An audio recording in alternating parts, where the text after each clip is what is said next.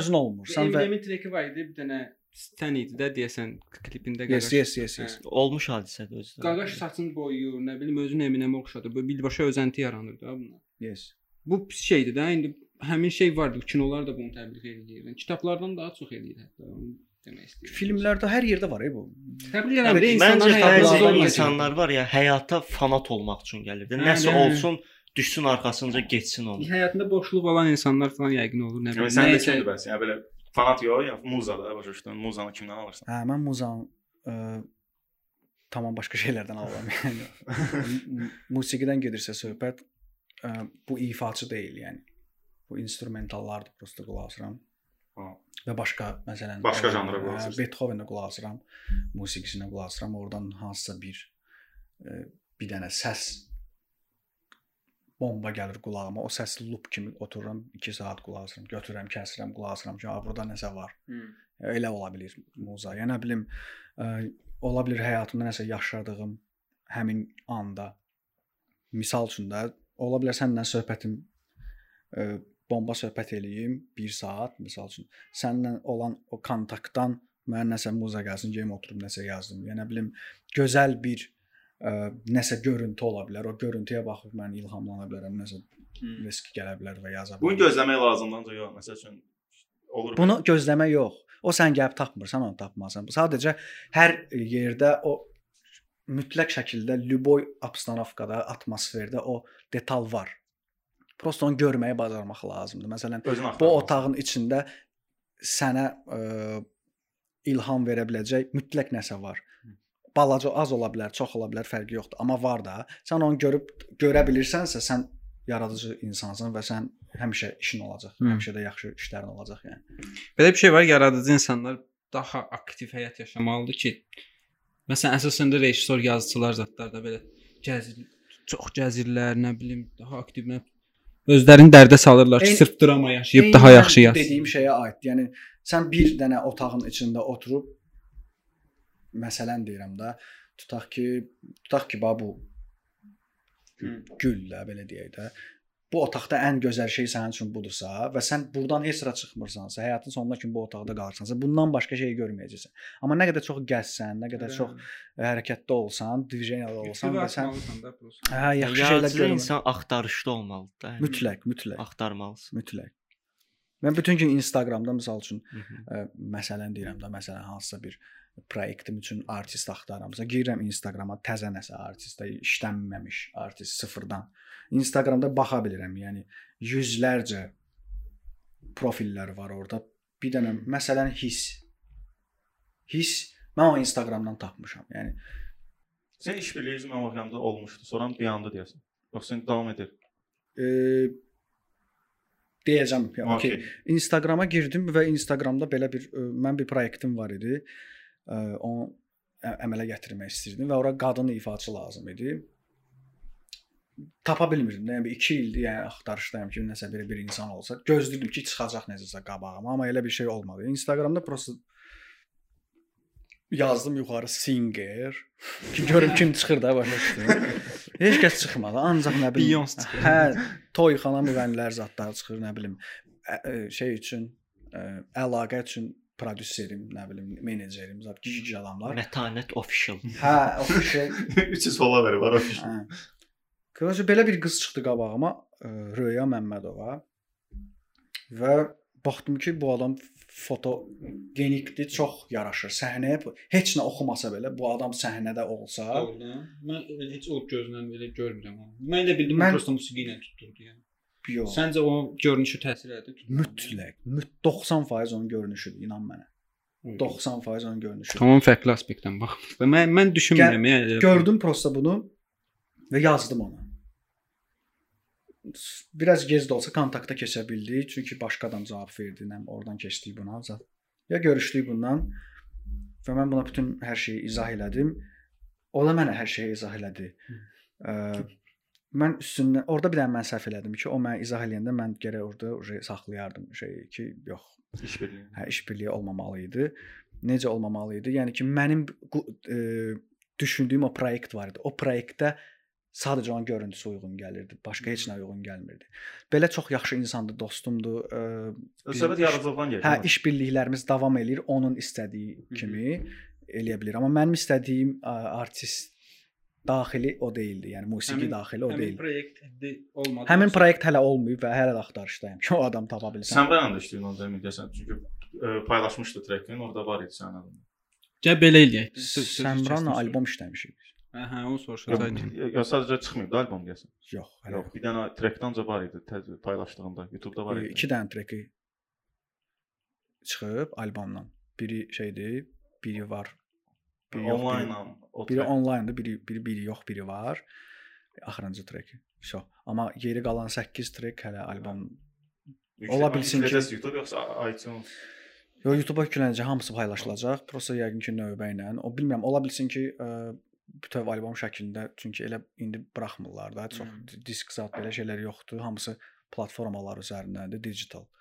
Ə, Si- si- Single e, kimi, yəni belə prosta məsləhət görmərəm hamısını single kimi buraxasınız. Məncə elə o streamdə Onu albom ə, mənim məsləhətimlə olmur da. O ə, prodüser.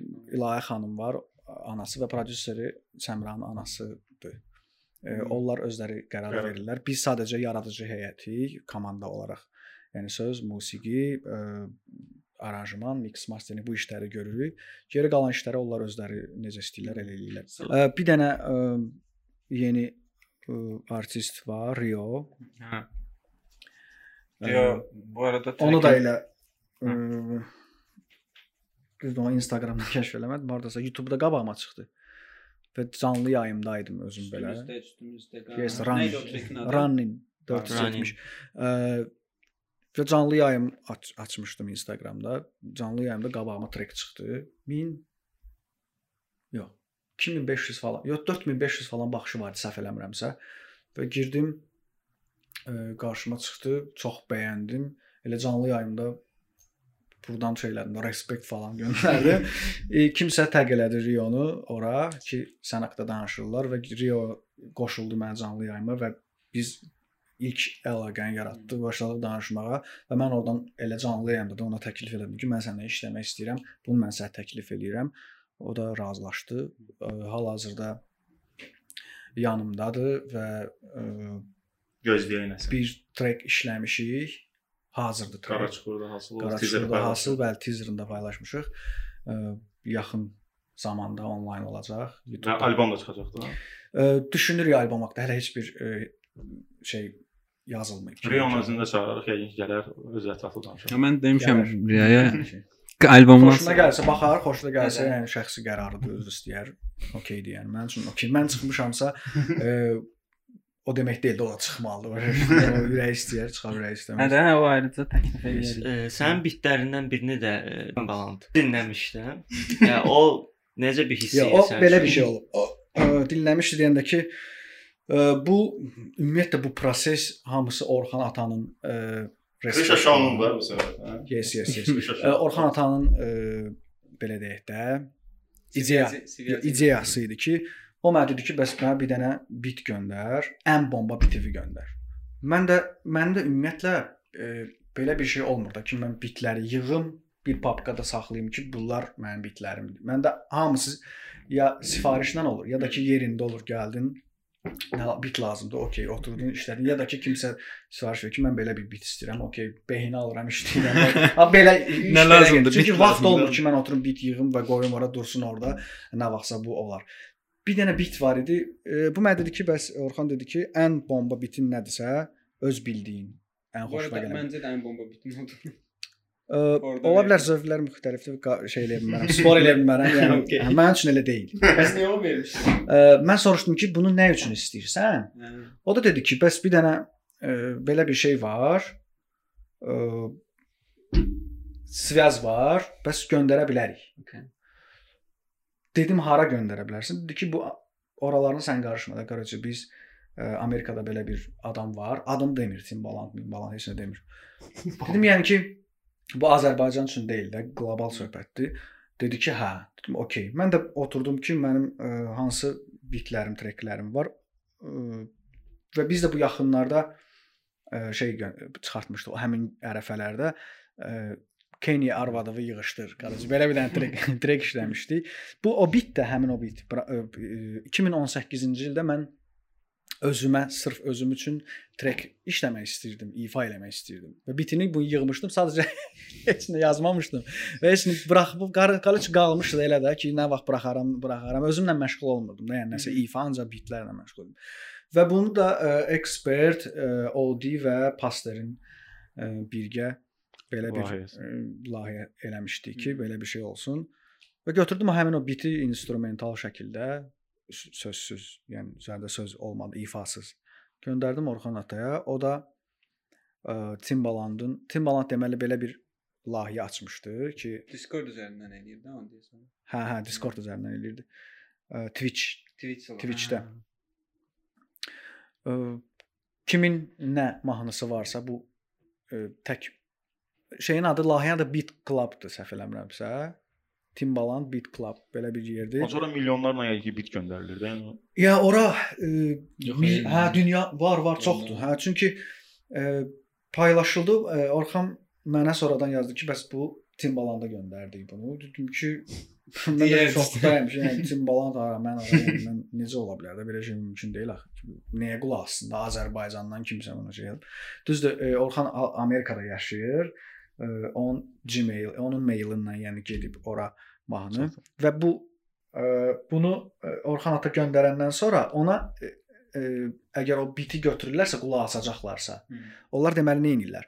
Biti göndərsən ora müxtəlif ölkələrdən bir neçə dənə bit göndərə bilərsən. Və o bit bitlərə qulaq asırlar ki, bunu biz səsləndirəcəyik. Əvvəlcədən Bax, Siyah bax, halında Əvvəlcədən playlist siyah yazılır. hal play. Məsələn, bu yayımda bir 100 dənə bitə qulaq asacağıq. Və o biti götürürlərsə, sənə geri e-mailə şey göndərirlər ki, olacaq. bu olacaq, falan vaxt izləyə bilərsiniz öz bitinizi. Ələkdən Bu da bilmirəm, e, o bizim saat fərqimiz var axı 8-9 saat fərqimiz var. Hani şey məsələn. Orxanla bizim aramızda 8-9 saat fərq var. Bizdə məsəl üçün axşam olanda onlarda gecə olur. Bizdə səhər olanda onlarda gün olur. yatmırsan. Hə, mən də ki səhər saat qaroçi 11-dir. Mən də Orxandan cavab gözləməliyəm ki, bu götürüldü yoxsa yox. Üstündən təxminən bir 4-5 gün keçmişdi. Səhər yuxudan durdum 11-in yarısızadır belə. Gördüm yazılıb ki, ə, dünən gecə saat 3-də bəs Timbaland canlı yayım açıb Hı. və şey olub. Ə, Şeydə paylaşdılar da elə. Snapchat paylaşdılar da. Yox, onu demirəm. Hələ mən şey prosesi danışıram ki, sən necə oldu ki, mən o şey Hə. xəbərdar oldum yəni ondan. Və ə, paylaşılıb şey ə, video var. 2 saatlıq videodur. Qarıcı girdim belə qoydum özüm üçün evdə nə bilim tost zat düzəldirəm ki, yeyim. Bu da orada gedir belə. Televizorda açıq televizora baxa-baxa tost zat düzəldirəm. Bu da orada öz-özünə danışır. Belə now keçən növbət yazat next next deyə deyə gedir. Bu 40 neçənci dəqiqədir. Birdən sirena səsi gəldi və belə baxdım ki, yəni bu bu mənim bitim oxşuyur da. Televizor səsinin zadını aldım, tost zat yaddan çıxdı. Baxdım ki, hə şeydir. Qlas. Mənim bitim gedir və şokdayam ki, ola bilməz də bu necə bu getdi çatdı ora və mənə Orxan axı mail yazmalı idi. Deməli idi ki, mənə mail gəlib girib baxa bilərsən. Təsadüfən prosta. Bəlkə də Orxana mail gəlib, Orxan yadından çıxıb, e, baxmayıb ora. Yəni nə bilim, bəlkə də heç göndərməyiblər onu deyirəm. Yəni böyük ehtimalla ki, göndərbilər. Olsa çünki mənə deyərdi ki, Qəbul eləmir. Hə. E, və baxıram ki, orada göndərən adamların hamısı 4 dənə, 5 dənə bit göndərirlər. Biz də bir dənə bit göndərmişik, amma bir dənə bitlə effekt verdilər. Və e, sirena səsini onlar oradan götürdülər. E, bu məqsəd məqsəd nə idi? O onlar biti bəyənin bəyənmək söhbəti deyil ki, biz bu biti bəyəndik. Elə bir şey yoxdur. Onlar bitə qulaq asırlar, bəli, səslər axtarırlar ki, bu bitdə bu səs bombadır, biz bunu götürə bilərik. Və e, ora o biti göndərəndə artıq sən o şeyi e, qəbul eləmiş olursan ki, e, sənin bitindən hansısa səsi götürsələr sən artıq icazən var. Ödənişsiz heç bir, yəni razılığın var. Yəni sən bunun Hə, razılığım var. Prosta yəni ki, bu adam Yox, səs onsuz da Amma amma belə bir şey də var. İş birliyinə keçə bilər. Məsəl üçün ə, ola bilər ki, sən 4 dənə bit göndərmisən və 4-ündə də onun istədiyi səs var. Və adam sənə geri dönüş eləyə bilər, mailə yaza bilər ki, mən səndən işləmək istəyirəm. Ə, düzdür elə bir şey gəlmədi ki, mən səninlə işləmək istəyirəm. Amma kontakt hələ də var. Yəni Liboy vaxt nəsə bir dənə də şey göndərib, nəsə bir şey eləmədi. Prosta sirena səsi oradan onu tutdu ki, bu sevə onu da istifadə elədi. Sonuncu Instagramda paylaşımı var. Bizə. Pitch verib həmin o şeyə və orada hardasa reklam şeyində istifadə edib Allah bir neçə milyon dollara çəkib də yəni götürüb və mənə də heç nə qalmadı da Bir orada. şey soruşum. Kütlə e, yarısı qəbul eləmədi X-in tərzini dəyişməyini. Hamı kommentlərdə başladı ki, köhnə X qayıtsın, köhnə tərzinə qayıtsın. Bu nədir? Bəziləri dedi, şeydir, zordur belə davam elə. Eləsi oldu ki, trekdən trekə dəyişdi. Də hansısa trekinə yazdı ki, "Ha, bu cür nə eləyirsənsə elə, o birisi tərz eləyirsənsə eləmə. Hə. Başa düşmək olmur da nə istəyirlər.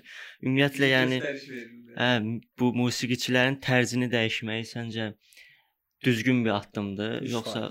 Tutduqları şeydə davam eləmək lazımdır? Biz ə, bax məsəl üçün Emin Evro var idi, düzdür? Hı -hı. O vaxtı o vaxtı üçün Emin Evro belə də Bakı və reperlər üçün müəyyən qədər öz reytinqi var idi Emin Evro obrazında və mən ə, onu dəyişib indi Claves eləmişəm. Düzdür? Claves on the track və Claves kimi fayl göstərirəm. Hər ikisində uğur ə, qazan. Bu düzdür dövrə qədər ə, dövrə də, görə dəyişə bilər. Çünki onda məsəl üçün YouTube ə, məsələn deyirəm, məsələn YouTube olsun, yəni Facebook olsun, izləyicisi bu qədər çox deyildi. Yəni ki YouTube-da hamı heç sənin telefonun belə bu deyildi də. Yəni ki belə bu telefondan gəlmişik də biz başa düşdün. İndi Sensor. touchpad olub da başa düşdün. E, yəni hər şey dəyişməlidir. Sən dəyişməsən inkişaf edə bilmirsən. E, adam dəyişib pis nəsə bir şey eləməyib ki. Yəni öz tərzini dəyişib və bu tək dəyişə bilən adam da bu deyil. Dəyişməsəydi bəs. Allah bizdə trendə uymasan. Okay, dəyişməsəydi sizcə ekspert ə, aktual olaraq rep Yəni dəyişmək musiqiçinin öz əlindədir, yoxsa prodüser buna bir Hə, birbaşa yön verməlidir? də sən bunu. 100%, 100%. Bu hamısı ə, tək mən yox, bizim hamımızın, yəni orada Hı -hı. əməyi, Hı. köməyi nələrisə var, iş işləri var. Amma ə, ümumi olaraq mən belə düşünürəm ki, pasteri də, eksperti də, elə rüzgarı da, nə bilim, bunların hamısında mənim böyük dəyişmələrdə böyük rolum var. Hmm, Bu ə, tək görüntü şeyindən danışmıram. Mən musiqidən danışıram. Yəni ola bilər kimsə ə, nə bilim saçını yaşıl rəng eləyir, nə bilim şalvarını bir tərəfini geyinir, bir tərəfini geymir, onun öz şəxsi şeylərdir. Amma musiqi tərəflərində hə, mən ancaq geyim, görüntü şeylərini mən öz yaratdığım artistə deyə bilərəm ki, sən belə geyinməlisən, bu vaxtdan bu vaxta qədər yemək bu falan yeməyi yeməlisən, falan cür görünməlisən. Burada tatu olmalıdırmı, olmamalıdırmı? Əgər mən qurduğum proyektin üzərindəsə. Amma e, geyim baxımından, görünüş baxımından bunlar e, şeylərinə çox elə qarışa bilmirəm. Hmm. Dəyişmə məsələsində isə e, ekspertin bundan dəyiş bu tərzin dəyişməmişdən öncəki ə, şeyi ə, məncə yetəri qədər albomu da var, konserti də var və deyilə biləcək o tərzdə Hmm. bütün hər şeyi deyib adam. Yəni Yəni yəni yorulub da tərəfdən. yorulub yorulma məsələsi deyil. Yəni eləyib də, yəni adam nə qədər şey eləməlidir və okey o şeyləri eləyəndə qazancı nə idi? İndi bunu eləyir qazancı nədir? Nədir? Nə verib? O dinləyicilər ona nə verib yəni? Hə, ay sağ ol. Bir də dinləyici bunu istəyirsə bunu bunun də, dəyərini ödəməlidir də. Yəni belə başa düşürəm. Belə olmalıdır. Yəni o vaxt məsəl üçün albom disk şəklində çıxırdı. Bildinizdə nə demək istəyirəm? Hə, hə, də yəni mən də elə düşünürəm aslında. Ha, ə, nə qədər ə, qazandırdı o ekspertə və ya nə bilim kiməsə. Bəs indi qazanır səncə? Bu İndi qaz- daha çox qazanır. Bu tərz bu tərzindən daha çox məncə qazanır. Hmm. Çünki indi daha çox məşhurdur, hamı tanıyır, daha fərqli ə, Özü də demişdi. Krişada de- demişdi ki, sinapsın bir şeyinə girdin, köhnə tərzə. Respekt, respekt, respekt. Hamı respekt yazır. Bir Hə. dənə gəlir yoxdur. Bizə bu respekt. oxşuyur. Elə bir gedirsən bazardan Gözlə. Öyle bunu çəkin, bunu çəkin. Pişiyin tükül. Gedirsən bazardan xiyar almağa, xiyarı pulsuz verirlər sənə. Sonra gətirib xiyarı çırpırsan üzərinə ki, bu qəşəng xiyar deyil də, başa düşdün? Mən toxumluq xiyar vermisiniz və s. amma pulsuz veriblər də, pulsuz almısan o. Yəni bu dinləyicinin eksi elədiyi də həmin şeydir elə bil. Yəni sən Dəqiqə, onun sən burada- Bilirsən necə, misalı. Okey, biznes mən baxsaq. Biznes baxsaydı, deyirəm. o qaqaşa pulsuz xiyar veriblər. O qaqaş o xiyarı götürərdi, pulla kiməsə satardı. Sonra gedərdi bomba xiyar pulla alardı. Mövzudan çox Bomba var. elə elə mən elə fikirləşirəm. Hər şey biznes olmalıdır. Sən bu işi mən 10 mən 10 5 yaşından hip hopun içindəyəm. 15 yaşından. İlk ə, trekim ilk trekim efirdə olub. Canlı oxumuşam. Yəni yazdırıb burdan götürüb diska aparıb vermişəm. Mən də varam 2-yə. Orada çıxıb oxumuşam canlı və bu efirə gedib. 15 yaşında olub bu. Başa sala bilirəm nə demək istəyirəm. Mən bu işin içində 17 il 17 il düz professional şəkildə olaraq az sayılır, amma yəni ki, sıfırdan hardan başlamışam onu istəyirəm. Yəni mən bunun hər şeyini görmüşəm, hamısını görmüşəm və hər şeyini bilirəm və nə qədər sənət eləməsən və sənət, sənət, sənət mən ə, evə də mən başqa işlə məşğul deyiləm. Mən ancaq musiqi ilə məşğulam və musiqidən qazanmalıyam nə isə. Mən ancaq yara, e, pul haqqında fikirləşməyim, biznes haqqında düşünməyim. Mən 32 yaşım olacaq 2 aydan sonra, 3 aydan sonra. Yəni mən oturum ki, hə, bomba mahnı buraxaq, okey, respekt gəlsin. Yenə respekt gəlsin. Məncə Yenə yaradıcı insanlar e, bu qınağa, tənqidə qarşı ona görə bu qədər aqressivdir ki, Azərbaycanda. Yox, mən tənqidə qarşı zordur. Kimsə pisləyə bilər, kimsə pisləyə bilər, kimsə bəyənməyə bilər. O Yox, qədər mən özümü deyirəm. Misal üçün o qədər ə, köhnə janrda eləyə bilən adamlar var, onlara qulaq assınlar. Burada qəbahət bir şey yoxdur. Yox, Yəni yəni, bu adam belə eləmək istəyir. tənqidə qarşı aqressiv olmağın məncə Azərbaycanda səbəbi ola bilər ki, işi görürsən, onsuz da sən bu işdən pul qazanmamısan da. Yəni hansısa artist ya da filmmaker nəsə də kimisə. Hansısa da pul qazanmamısan, elə belə çəkib öz özün zövq almaq üçün atmısan ora. Və kimsə də girir, başlayır bunun yerin dibinə soxmağa. Heç kimə haqq vermirəm, demirəm o elə eləmir. Tənqid edirlər. Bu da pul zat qazanmayıb burdan. Bir başlayır əsəbləşməyə ki, hə də mən 5 qəpik onsuz da qazanmamışam, əsəbim də oradan da. Oturur onlara cavab verir. Belə bir şey o səbəb ola bilər məncə. Tənqidə dözümsüzlüyün olmağı. Birinci şey etiketi yoxdur. Elə belə izləyici etiketi yoxdur. Softdan softun dəyərini bilən insan yoxdur elə. Necə deyim? Yəni əldə tutulan o şeyləri- qədər informasiya alırıq ki, bir gün ərzində. Elə adi telefondan, girirsən telefona 4-5 cür məşhur sosial şəbəkələr var. E, YouTube olsun, Instagram olsun, Facebook olsun, nə bilim Twitter olsun, filan olsun, o olsun, bu olsun və hamısında müəyyən qədər müxtəlif cür ə, mövzularda paylaşımlar var. Xəbərlərindən tutmuş musiqisinə kimi də, yəni ki, fərqli-fərqli və sən gün ərzində məcbur şəkildə əlində o vərdiş halında baxırsan və informasiyalar gəlsən, kitab oxumağa o vaxtın qalmır da, başa düşdün? Elə burdan oxuyursan hər şeyi. Nə var, nə yox. Filan kəsi qovdular, filan kəs boşandı, filan gic-gic mövzular e, lazımlı, lazımsız.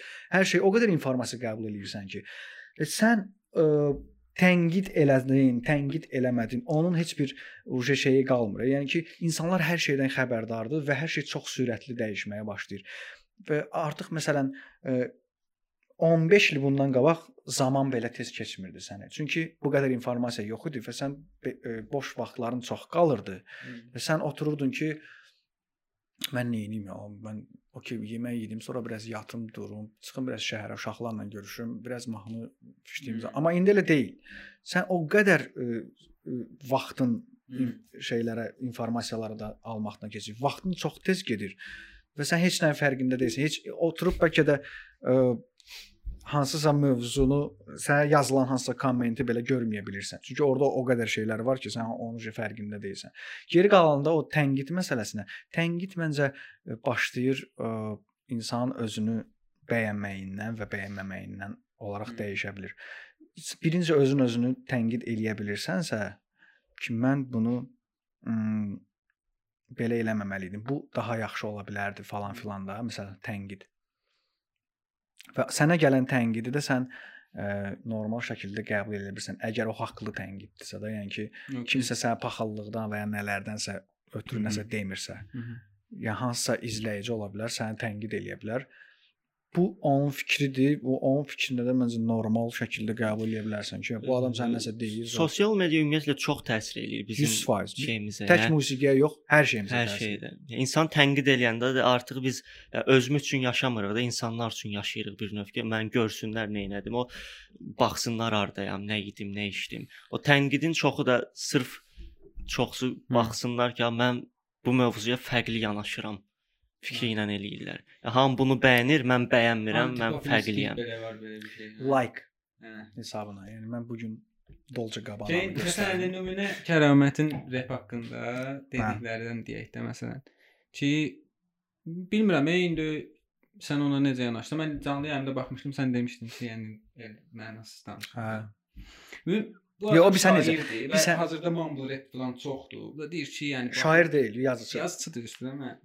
İ baxır ki, hə də bu rapin mənasız sözləri var. O da öz cəhətindən deyir ki, mənim üçün bu mənasızdır, söz idi.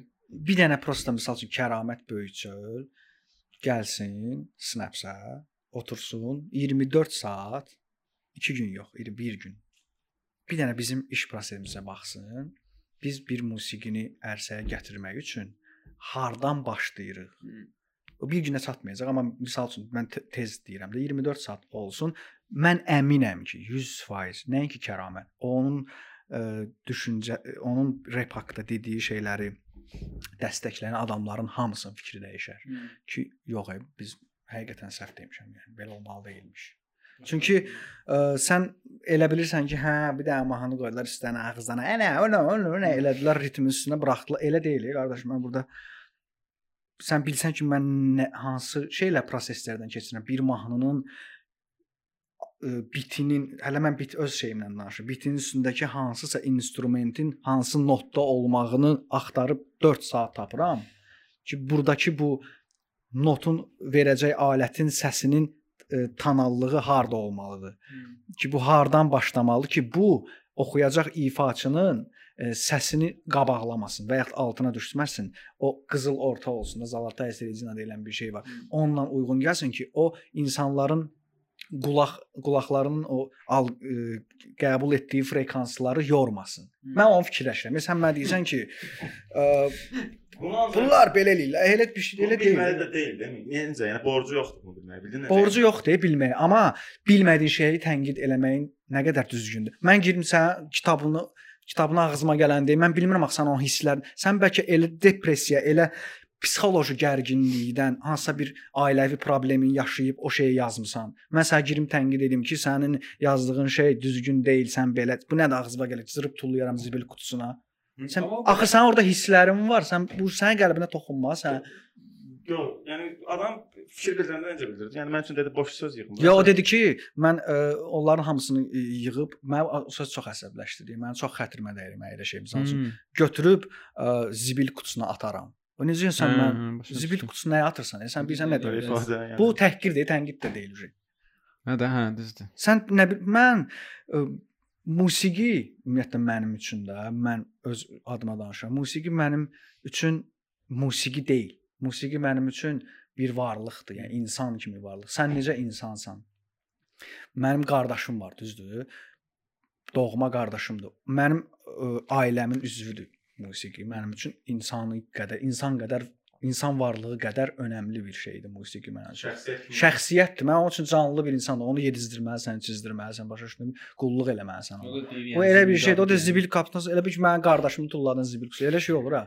Yəni adamı öldürərəm mən. Başa düşdün? Amma o söhbəti qoysaq qırağa, Kəramət Okey. belə Kəramətin bax misal üçün məncə. ə, bu yaxınlarda hansısa verilişdə çıxmışdı. Unitalk verilişi Hmm. var da. Ona baxmışam. Hə, nəsə də ə, şeyin ə, başqa düşüncələri, Yəni mükəmməl düşüncələri var, zor Hmm. fikirləri var. Adam sərbəst danışa bilir və yaxşı mövzulara toxuna bilir. IQ olaraq da yuxarı leveldədir. Düzdür, adı o deyil, kəramət. yəni deyil, amma belə fikirləri çox mö möhtəşəmdir. Həqiqətən bəyənirəm. Prosta bəzi yerlərdə bəlkə də bunu o bilərəkdən eləyir ki, bu səs səs Məncə də doğursun. yəni Bəlkə də gündəmə gəlməyə Amma yenə də haqqına girmir də, bəlkə də həqiqətən elədi yəni. Hə. Onu dəqiq bilmir, özümdən görə soruşum. Deyir, həyatda deyir nə eləsəm, Aynısı da şehir deyən qaqaş kimi tarif.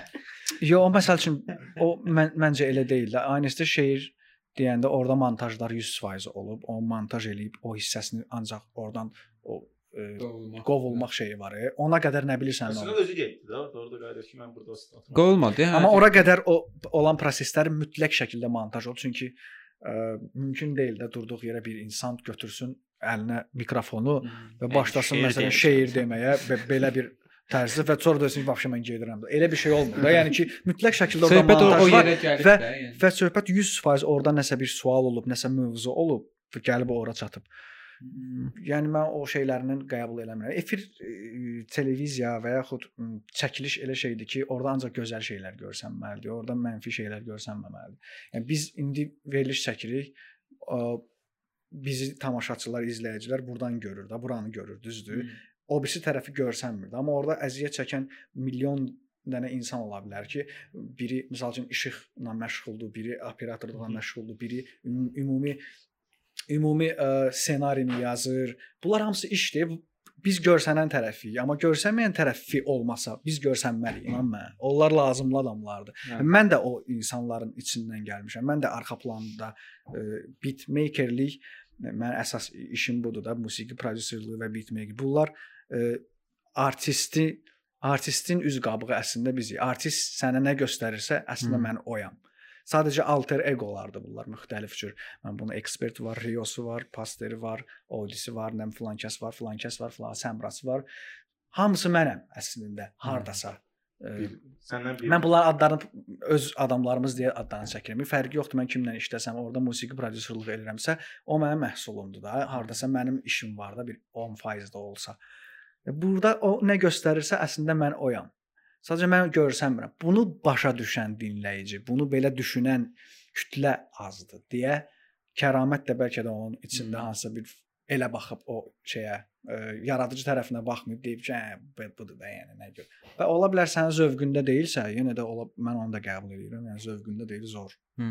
Biraz- Prosta keç də üstündən. Pis- Pisdir. Ulan dislike elə də qardaş. Orada bu YouTube-u yaradan şəxsiyyət ora bir dənə belə qoy, bir dənə də belə qoy. da. Bunu bax, vəsə da öldü zövq. televiziya ümumiyyətlə çox mənə saxta gəlir. Dəş biz bu yaxınlarda çəkilişə də getdik bir də kanala verilişə.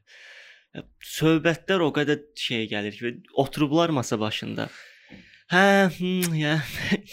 nə oldu şey falan iş nə oldu belə danışır. E, qıraqdan belə baxırdım ki, o deyil də, siz niyə belə sıxmısınız özünüzü? Okey Yes. şey var ki, bəs efirdir, canlı yayındır, hər şey demək olmaz. Amma dur- o rahatlıq da yoxdur da. Bizim məncə efirə ehtiyacımız yoxdur ey bala. YouTube bombadır yəni. Yəni, Nə istəyirsən? Onsuz da yəni sosial bu Netflix falan televiziyanı Asta-asta vurub gedir. yəni. Yəni məncə hip-hopun artıq ehtiyacı yoxdur da yəni. Hə. Vaxtilə biz e, çox şeylər elədik ki, televiziyada qalsın, yenidən qayıtsın. Bilməyənlər üçün deyək də, Emin professional, yəni televizor, reis, səs rejissoru, yəni televiziyada professional dərəcədə yəni səs rejissoru və bir çox verilişlərdə yəni çalışır. Hal-hazırda da yəni radiodasan da. Hə, 90 FM-də elə səs rejissoru işləyirəm. Bizdə televiziya- veriliş də yoxdur. Yəni reper çıxsın, yəni Məncə olacaq. çıxsın. e, Elgizli Prosta- axşamlara çıxsın. Yəni ekspert kimi gəlib oturub pas verir məsələn, yəni, fikir Zor. bildirir də orada. Nizatlı gecələr bəlkə. o daha zor. Televiziyada oradan yəni popun nə popun yeri var hal-hazırda televiziyada? Televiziyanın hip-hopa ehtiyacı var? Yoxdur yəni ehtiyac məncə. Çıxıb nə edəcəm, nədən danışacağam? Yəni kim baxacaq ona? Nə var ehtiyac olardı? Bir sənə necə o, o gün şeylə də danışdıq bunu Alvina ilə. Prosta mövzu çox uzanmadı. O show biznes bir ara TV TV-nin bir dövrü var idi. İndi türklərdə bilmirəm qaldı. Çal çağır zad belə. Hə də yəni Show bu biznes verilişi. biznes verilişləri var idi. Yo Azərbaycanda ə, hal-hazırda da çox yaxşı ə, teleproqramlar var, fəaliyyət göstərir. Ə, bu bunun içinə çox adlar çəkə yəni- bilər, mağazin verilişləri də var. Var. Var, var. Məsələn, bax yoxdur bax indi o şeyə görə demirəm, orada işləyirəm deyirəm, ona görə demirəm. Mən çox səmimi adamam, nə var onu deyirəm. Məsələn, Fatihin divanı adlı bir dənə veriliş var. Bilmirəm izləmisiniz yoxsa yox. İzləmişəm. İzləmişəm. Mənə çox ləzzət eləyir də, yəni. Yəni ba- amma mağazin verilişi deyil də, bu talk show. Ya orada orada hər şey var. bilirsən, bu Ya orada sən intellektual bir veriliş ol formatıdır da məncə talk show. Bir əyləncə və əyləncə də var. Orada ə, intervyu ya orada da müx yox, orada format nədir? Müxtəlif cür qonaqlar da var orada. E, hansısa ə, musiqi bölməsi də var. qalmaqal var yəni. Hər şey var orada. Doğru. Orada hər şeydən danışa bilər. Deputatı çağırıb orada tənqid eləyə bilər, bilər orada Hmm, hansı şey. okey. Ki falan şey TV Məsələn deyirəm, şey verilişi var idi. Ə, Dadaş Dadaşlinski. Mən Hə, ictimaiyyətdən da danışıram. Azərbaycan telemekanı ən cəsarətli verilişlərindən Hmm. biridir o. Orada birincisi ə, Amma animasiya üçdə- o deyil. animasiya orada səni neynəməlidir? Yəni Gollywoodski Yo yo şey yo yo. Amma Black Panther zət çıxmalıdır. Siyah Belə Çox şeylərdir. statik bir səhnədir və Neynəməlidir də yəni. Yəni amma çox statik. Elə səhnədir. olmalıydı da qardaşım. O səni niyə Kimə görə amma təəccübləndirməli deyildi o effektlər səni. O sənə üzr istəyirəm. O sənə bir səni neynəməli idi? Mən buna prosta baxım görüm nədən danışır. Biz Bəli, bəli, podkast kimi bir şeydir o da. Söhbətdir məsələ. Amma o Azərbaycanda istedadlı animatorlar var. Ehtiyac yoxdur narahat ona. orada mən mən orada işləyirəm də. Mən əminəm ki və görmüşəm də. Orada yetəri qədər e, istedadlı qrafika işləyə bilən, e, yetəri qədər e, şəraiti olan yəni aparatından tutmuş, texnikasından tutmuş, işçisinə qədər hər bir şərait var və bunu eləyə bilərlər. Hmm. Adicə ə, görürsüz məsələn ə, şeyin ictimainin təzə loqosu var dəyişib. Aha, aha, aha. Brand rebranding eləyiblər. Rebranding eləyiblər və Doğru, bu doğru. loqonu yığa bilən insanlar o qrafikanı da yığa bilir də. Məsəl üçün gəldi, keçid, hər şey eləyə bilərlər. O şeyi yaradıblar. Amma bu ə, format özü onu tələb eləyir ki, bu Belə adına bax olsun, Dadaş Dadaşlinski. Hə. Prosta кто-то adı Kvadrat qoyublar. baş bir dənə prosta personaj Hə, ə, eynəkli və nəsə danışır orada şey. Sadəcə oradakı o şey var ha, adam. O robot deyil də, o danışan adam həqiqi insandır. Hə. Bəs o gizlədib öz şeyini, ə, Mən bilirəm, personaj kimi. Səsindən necə tanımışam. Ha, bilirsən, lap bilərəm, zor. Mən də çəkməyib məncə. çəkmə məncə. Hə, hə. Mən də Çəkmə, bu belə Hə. maraqlı. Prosta yəni belə bir şey. Həm də həmin adamın özü də mən çox respektim var. Məncə TV Yəni- içində əvvəldən olan adamdır. Yes, yes, çox ə, IQ və ideya baxımından mən o insanı da çox bəyənirəm və çox möhtəşəm ə, Dadaş. Dadaşlinski. Özü də özü də ə, gənclərə və ə, ümumi hip-hopa da, gənclərə də bizim kimi insanlara da çox dəstək olan adamdır həqiqətən və burdan Respekt. respekt. Bir gün bəlkə qonaq gələr, animasiya qoyar oturaq.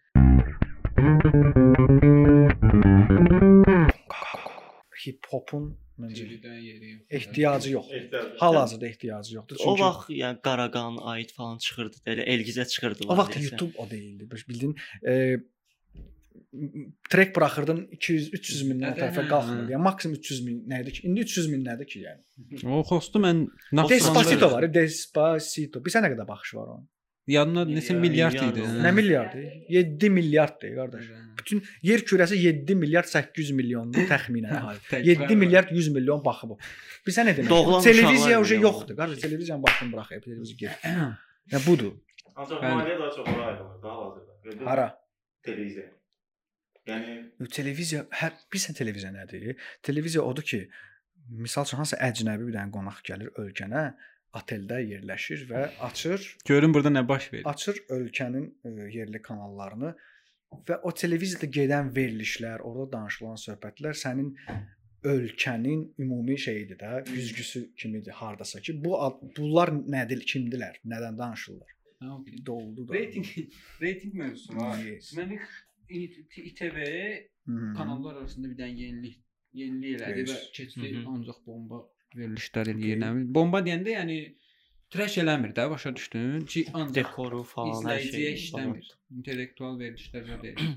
Kısaca mən eşitdim ki, araya bir dənə şey deyim. ASTV də hal-hazırda o şeydə. hə, dönüşü Çox superdir. Mən çox bəyəndim. ASTV mən heç vaxt belə. Təsəvvür bir il eləmirəm. olar bunu eləyir, yoxsa 2-3 aydır mən təzə eşitmişəm. çünki. bir il Yo yo 1 il olar. hardasa. Hə. O Təxminən da olar. loqo dəyişdi falan. Loqo dəyişdi, bütün hər şey, struktur, işçilər, hər bir sistem dəyişdi. Mən çox sevirəm Amma mən eşitdim ki, Xəzərdən, Xəzərin və yaxud da nə bilim, ictimai Xəzər də dəyişikliyə keçmək istəyirdi desən. Xəzərin də sonra rəhbərliyi dəyişdi. rəhbərlik dəyişdi, amma Ə, hələ də çox belə güclü dəyişiklik görməmişəm də. Ki, rebranding eləməlidirlər, acə eləyəcəklərsə dəyişiklik. Yəni biz ən azından ictimai edərləmir də. Yəni Hı. ictimai Xəzər əslində özəl e, telekanaldır axı. O dövlət Hə, nəzdində hə, hə, deyil. o da var. E, bu təsir eləyir birbaşa, amma məncə tək bunu biz belə sadalamalı deyilik də ki, filan kanal yaxşıdır, filan kanal. Yox, mən yaxşı pis demirəm. Hamısı Sözüm daha mən- yaxşı olmalıdır. Yəni bu Məğzi bilsən nədir? Mən eşitmişəm ki, TTV-nin reytinqi düşübdür hazırda. Digərlərinə nisbətən çox aşağıdır. Mən ə, keçən ayın yanvar ayında, yanvar ayındakı reytinqə baxdım. Yox, səhv eləmirəmsə radio. Mən eləmirəm. Hə, radio reytinqində birinci yerdə ictimai radio. Radio çox əjdahadır. görə, amma telekanalları bilmirəm, yalan deyirəm. Ə, mən ə, bunu eşitdim. Normaldır belə də olmağı. Çünki YouTube-da filan baxırsan, Facebook-da, YouTube-da aktiv və minlərlə baxışı var kontentlər. Halbuki bu əslində internet kontenti deyil də. İ- TV kontentinin YouTube-da bu qədər baxılmağı, yəni bomba şeydir. Bilsən bir dənə məqam var.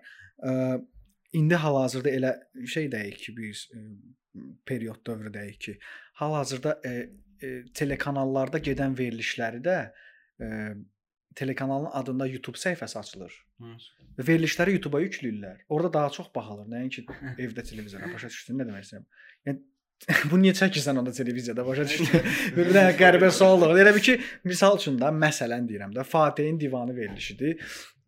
Fatihin divan verilişi ə, televiziyada da gedir, canlı olaraq, yəni bilim çəkiliş olaraq. Həm də şey var, ə, YouTube kanalı var. YouTube kanalında, ictimainin YouTube kanalında da o veriliş gedir orada da, başa düşdün? Və orada da baxış sayı var, başa düşdün? Bax, oradan da insanlar burada bu bilsən nədir? Orada izləyə bilməyən də girib buradan baxa biləsən deyə. Ə, Bəncə sosial şəbəkələr vurub e, televiziyanı həqiqətən və çox davam çox eləyəcək. babat vurub. Yəni, şey eləmək olar da YouTube-un ekstra nəsə bölüm, yəni formatın Məsələn, ekskluziv- biraz daha fərqli versiyası. eksklusivlik, ekskluziv nəsə. Ə, o birisi məsələsi olsa- canlı yayımlar çox şey verə bilər, reytinq verə bilər. Sən bunu canlı yayımda çıxdın, nəsə elədin, nəsə danışdın və yaxud qonaqsan verilişdə, onda hə o televiziyaya baxıla bilər. Polibom bunun reklamı hardan gedir? Yenə də internet. Sosial şəbəkə, Instagramda paylaşsan ki, mən sabah saat 9-da filan TV-dəyəm.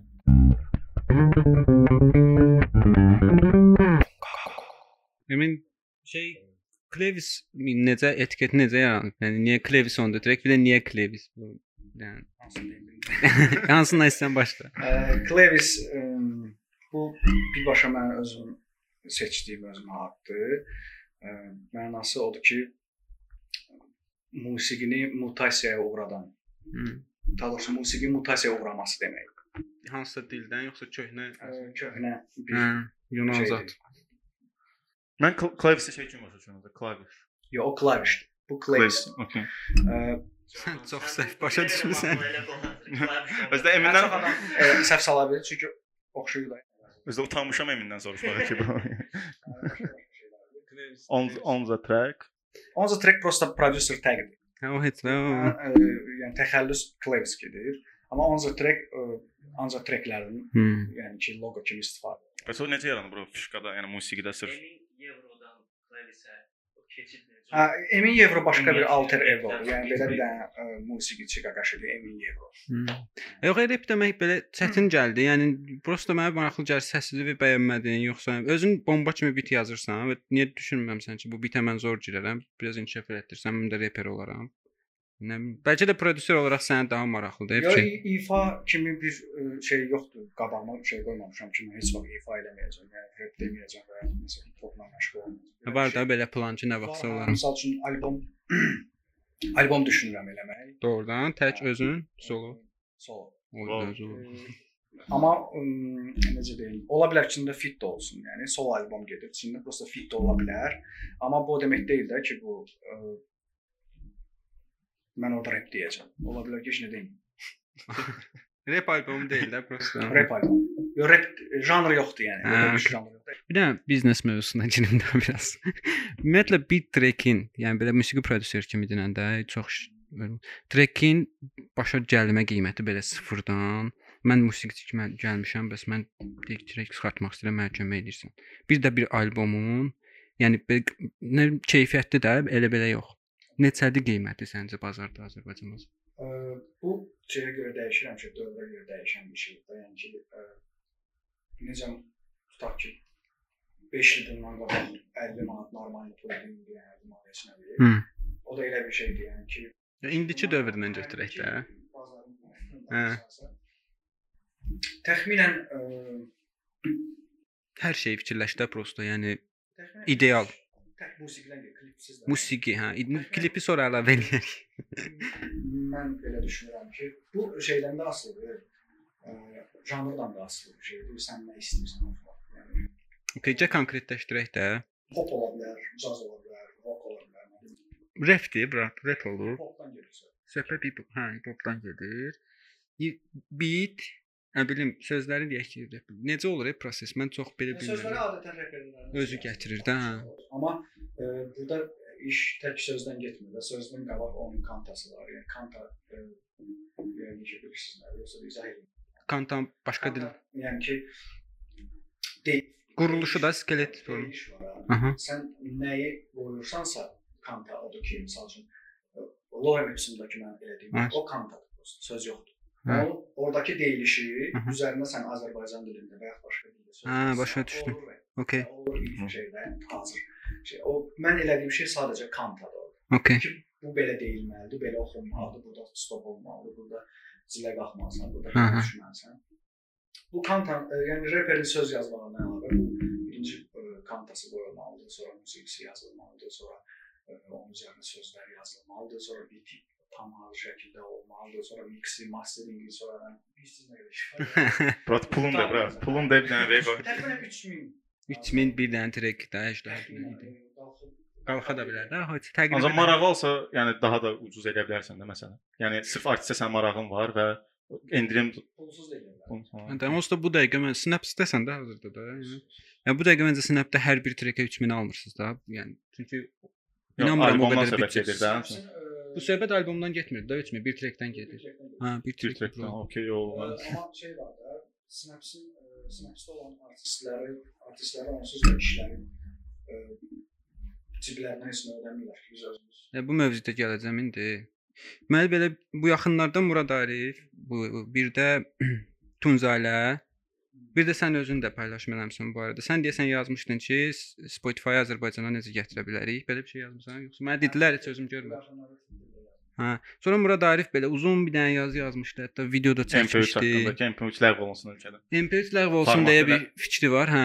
Bir də mən Tunzalə də yazmışdı ki, neçə müddətdir karantindir, musiqiçilərin bazarı yoxdur və başa düşürəm ki, yəni ümumiyyətlə toydan qidalanan musiqiçilərin bir çoxusun böyük problemlər yaşayıb da hazırda pul cəhətdən.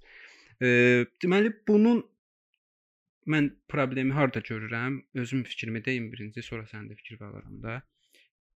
Ümumiyyətlə dünyada bu keçid prosesi baş verəndə e, C Yo yo, ümumiyyətlə lap əvvəl CD-dən bu digital platformalara keçid dövrü baş verəndə musiqi dinləyən insanlar məncə keçib Spotify-a keçib musiqiçilərə deməyiblər də ki biz keçmişik bura, siz mahnıları uje burdan yükləyin. Düşdün? Yəni musiqiçilər keçib və dinləyicilərinə təbliğ eləyib ki, Əslində çox böyük mövzudur. Yəni, Bu dərinliyinə getsək hardan başlayır.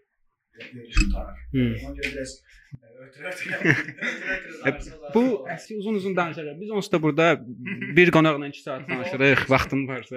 Yəni kəsirik də onu. çay verin. Yerimi rahat da belə bir şey deyil. Birincisi, bax bu şeyin əslində bu pan- məsələn deyirəm, heç CD-dən da o, o tər oralara girmirəm, o köhnəyə qayıtma. Hı. Ə, Bu pandemiyanın məsələn, məsələn belə olmağı çox əslində e, Azərbaycan hip-hopuna çox kömək oldu. Niyə? Və bütün o toylara gedən ə, ə, müğənnilər, nə bilim, şoumenlər, nələr, nələr, nələr başa düşdülər ki, əslində hamısı yox, hələ də başa düşməyənlər var. Hı. Başa düşdülər ki, əslində bəs bu hip-hop var, toya getməyən hip-hop, Azərbaycan hip-hop. Bunlar nəyinəsin? Necə yaşayır, necə dolanırlar, necə qazanırlar bəs illərdir belə davam edir. Və toy zat heç bir tədbir yoxdur. Maksimum hansısa partidə falan sənə nə bilim 500 manat verərlər ki, yəni nə bilim nə qədərsə. 100 manata gedən var yəni. Reper 100 manat ki, və olmayan yerdən yəni 100 manat getdi oxudu falan. Belə şeylər baş verir. Bunlar necə dolandılar? O ağıllı adamlar tapdılar ki, a, deməli indiki də dolanır. Amma sizdən danışmıram. Deməli musiqi platformaları var və ora trekləri yükləyirsən. Treklərdən pul gəlir Hə. yüklənmədən, dinlənmədən. Məsələn deyirəm, Murad Arif Murad Arif ki son zamanlar ə, neçə dənə e, hip hopla bağlı paylaşımlar. Mən Bu düz Ramin Nabrandan başladı. Gəldi Mədim Hüseyn falan filan. O temanı tutdu. Məsələn, Hmm. buralar çox e, ağıllı insandır ki, hip hopla məsəl Hmm. işbirliyi. trendə uya bilir də, yəni trenddən edir ki, ə, dünyada hal-hazırda 2017-dən bu yana bir, bir nömrəli janr rap. Yəni ki, bunun içində trap onları qarışdırmam, ümumi hip hop Hip hop. da söhbət. Və trend budur. Hmm.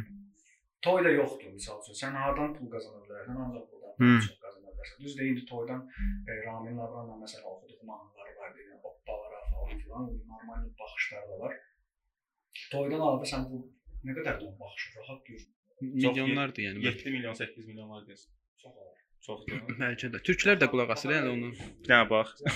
Hə, niyə bax? Baxır, baxır. Yəni mən şey Murad Arifin şeyini hesablamıram ki, bu nə qədər qazanır, yox. Onu bilmirəm. Amma yəni ki, Hip hopun YouTube'a o e, YouTube-dan əlavə- 28 milyon 2 ilə. 28 milyon 2 ilə.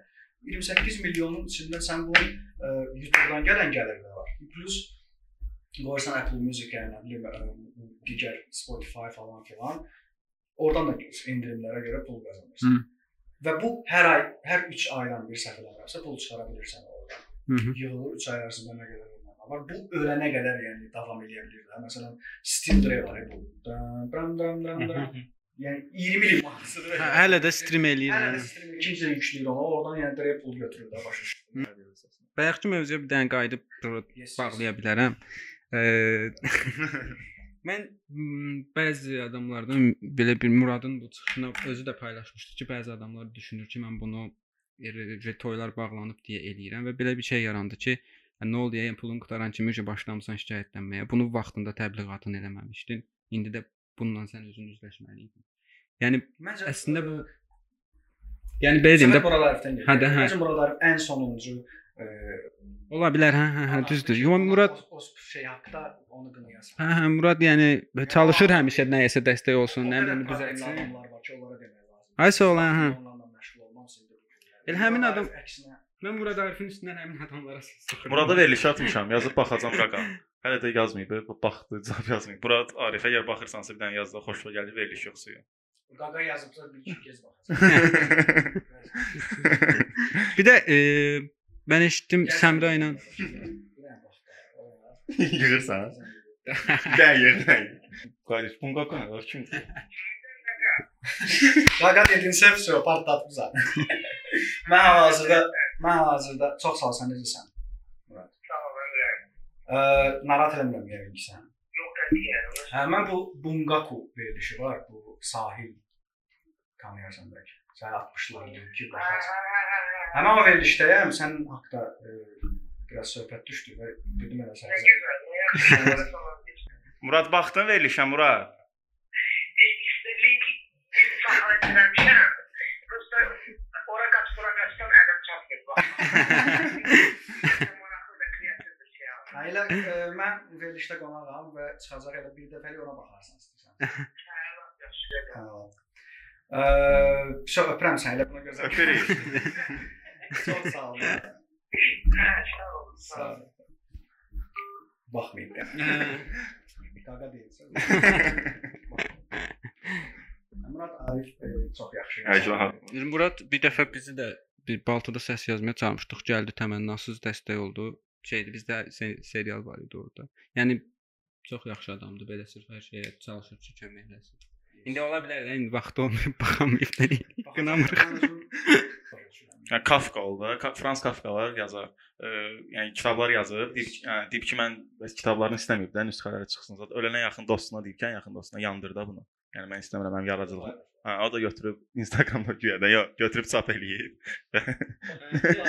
Bundan bağlı bir dənə bomba sual var idi. Deyir ki, sizcə Kafkanın dostu indi yaxşı dostdur yoxsa pis dostdur? Yəni onun bütün yaradıcılığın Kafkanı tanınmağına o səbəb Ağıllı oğlandırsa, ağıllı insandırsa, o onu açıb oxuyub. Hmm. Düzdür. Baxıb ki, məsəl üçün burada ə, paylaşılsa qəbahət bir şey yoxdur. Onda deməli Amma adam da ölməzdən əvvəl vəsiyyət edib ki, paylaşma da. Sən mənim ölübsə bu şey mən sizə. Ölüb də yəni. Amma yəni ki, yaxşı dostdur da onda. Mən oxumamışam o onun paylaşdığı şey Kafkanın nədir? Maraqlı. Yəni mən də kitab oxuyan insan deyiləm, kitabdan zəhləm. O. Ən zəhləm. Oxumaq. O mənim üçün mənasız. Dinləyirəm də ancaq deyəcəyim. Kitabı dinləyirəm. ola bilər nəsə maraqlı şey ola bilər. Hansı informasiya ola bilər o haqqda. Bilgi ola bilər, nəsə oxuya bilərəm. Amma bizə necə kitab, yəni məktəbdə keçdiyimiz dərslikdən getmir, Hə, təhsil də, hə. etmir. Bu- Bədii Bədii kimisə açın kitabını oxuyun ki, qaqaş o belə bir şey yazıb. Bu belə olmalı. Məsələn, Dreiser'in kitabı da belə deyək. Yəni, oxumasan da tanıyırsan. Yəni. Hə, Dreiser belə bir fikir deyil. O məclislər olur, otururlar. Ə, Belə sitat. var. Orada filan şey deyibsə, bu belə olmalı. Belə bir çərçivəyə qoyursan, qardaş kiməsə. Yəni belə bir şey yoxdur da. Yəni, mən belə fikirləşmirəm. Və əslində bu belə işləmir axı. Bu yəni mən sırf? Sayt Yəni- kitab kitabla kitab oxuyursan və əh, orada olan proseslər, hadisələr və sən bunu biri var ki, sən bunu yaşamırsan, biri var ki, kitabda bunu hiss edirsən. Yox, mən be- belə özüm belə danışıram ki, şəkildə çox təmizləşsin mən səsin. və bu həyat həyatda sənin yəni çox böyük təsiri var da sənin kitabların. Çünki oradakı əhvalatlar sən yaşayırsan, Hı. biri var ki, kitabın içində yaşayırsan. Biri var ki, real həyatda bunu eləmirsən və bu sənin həyat Bir sən çox hobbindir bu. Kitab oxuyursan, yəni ki, yenə də mən onu başa düşə bilmirəm ki, yəni kitab oxuyub sən orada nə öyrəndin?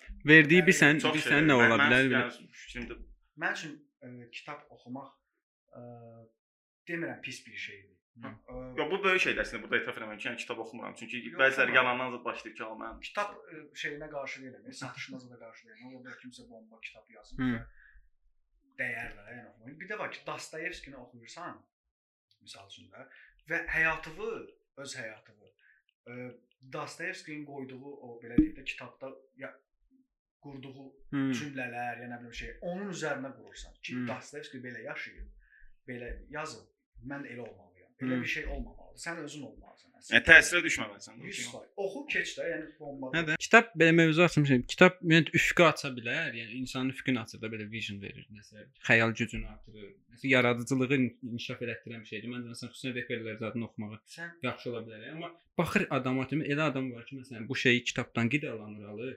Elə adam var, nə bilim, başqa cür musiqidən, elə adam var kinodan. Ümumiyyətlə bunu alır. Bu bundan belə deyim də ehtiyacı olan şeyi alır. Amma kitabdan sən alar, kimsə böl- kinodan alar. bölünür. Yəni sən bir kitab oxuyub elə motivasiya ala bilərsən ki, sən onun məsəl məsələn deyirəm. Məsələn mənim kimi bir insan ola bilər ki, elə kitab oxuya bilər, oradan elə fantaziya gələ bilər ağlı, ağlına və musiqiyə çevirə bilər onu.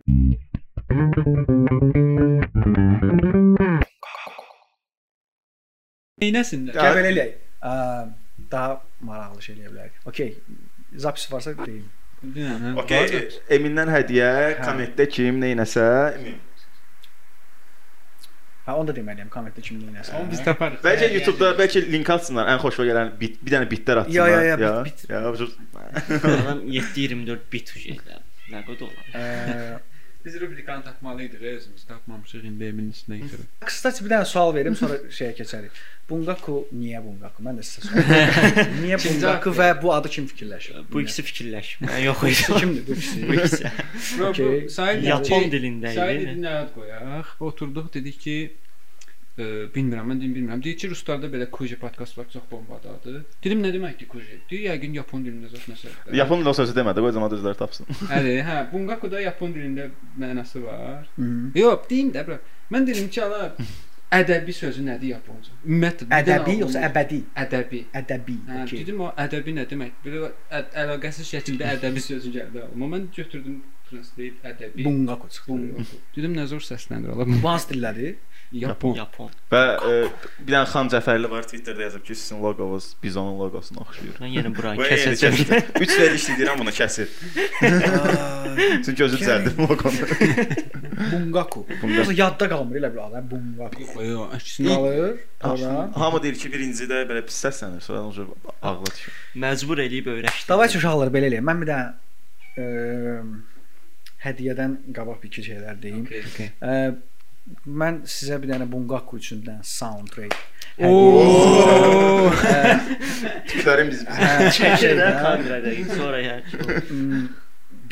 Obası. Sözsüz bu soundtrack başlanğıcda axırda istəsəz qoyarsınız, istəsəz silərsiniz, istəsəz zəngə qoy. Nə istəyirsiniz eləyərsiniz qardaş. Mən sizə bir dənə beat ə, söz vermirəm sabah bir gün, yaxın Hə, okey, ə, okey. z- günlərdə ə, çalışacağam ki, ə, göndərim.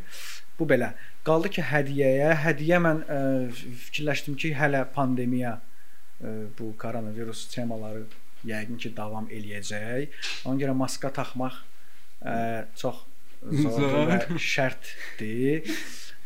İTV maskası. İTV-nin yox. Sinap, sinap, sinap. İTV maskası verə bilmərəm. Heç mənim özümdə bir dənədir o, o çünki şirkət tərəfindən. Amma ə, Snaps loqolu O, zor. Mən də elə bildim. qara maskalarımız var hal-hazırda satışdadır. Və çox soruşurlar onu. Hə, X Cross-da var satışdan və mən ə, onu hədiyyə edə, eləyə bilərəm bir nəfərə. Ə, özüm təqdim edə bilərəm ya da O. verə bilərəm sizə, ola bilsin. Əgər O özümdə şey olmasa, hə, bura Okay. göndərərəm, burdan siz şey eləyərsiniz. Ə, qaldı ki, nə eləməliyik? Məncə ə, Bungakuya uyğun nəsə bir şey olmalıdır ki, burada altda kommentlərdə nəsə yazsınlar Bungaku ilə bağlı. Okay. Hə, Bungaku ilə bağlı ə, ən ə, xoşuma gələn sloqanı yazan adam, hanki nəsə nəsə Bungaku, yəni Bungaku nə nə? Zor. Məsələn də öz tərzini yarat Bungaku. Məsələn. Bunu bu ən ə, xoşuma gələn yazana o maska məndən hədiyyə Hədiyyə yoxdur. yoxdur. Nə sizin Hə. sloqan tapır, damat qoyur. Buradan soundtrack veririk. Ən məhsuldar qonağımız idi bu gün söhbət ancaq xeyir verir. Mən- kimə nə ziyanım? Siqaret emin. Haqqından necə Hə, çıxacaq? Həqiqətən də haqqın tərəfindəsiz bura. Əjdahasız. Dəstəyəm hər zaman, hər cür ə, təki olun. yaxşı və belə bomba kreativ işlər, verilişlər və sizin kimi zor səmimi insanlar olsun. Möhtərəm. Və bu gedir orada ucu blurlaşır. Və son olaraq bir dənə deyim ki, Bongaku podcast bütün podcast platformalarında var. Apple podkastı, nə bilim Google podkastı, Spotify-dır, Apple, Apple dedim. Yəni də axtarıb tapa biləcəyiniz bütün hamısında və hansında yoxdursa kommentə yazın əlavə eləyək. Yəni ki, bunu dinləyə də bilərsiniz. Öpürəm. Və bil ki hamı bir gün gedir Üçdə yoxdur alacağım, beşdə yoxdur verəcəyim. Hər kəsə maraqlıdır yalnız öz gələcəyi Bilmirəm niyə yata bilmirəm mən gecələri. Amma bilirəm var mənim kimi neçələri. Kimsə boş, kimsə xoş günlərini keçirir. Kim sağlam, kim naxoş gözlərdən seçilir. Sanki rəqsiz çəkilir, portretdə şəkilim Yoxdur. Həyata sığorta, nədə ki vəkilim? Hər şeydən biraz bilim, mənasız məqsəddir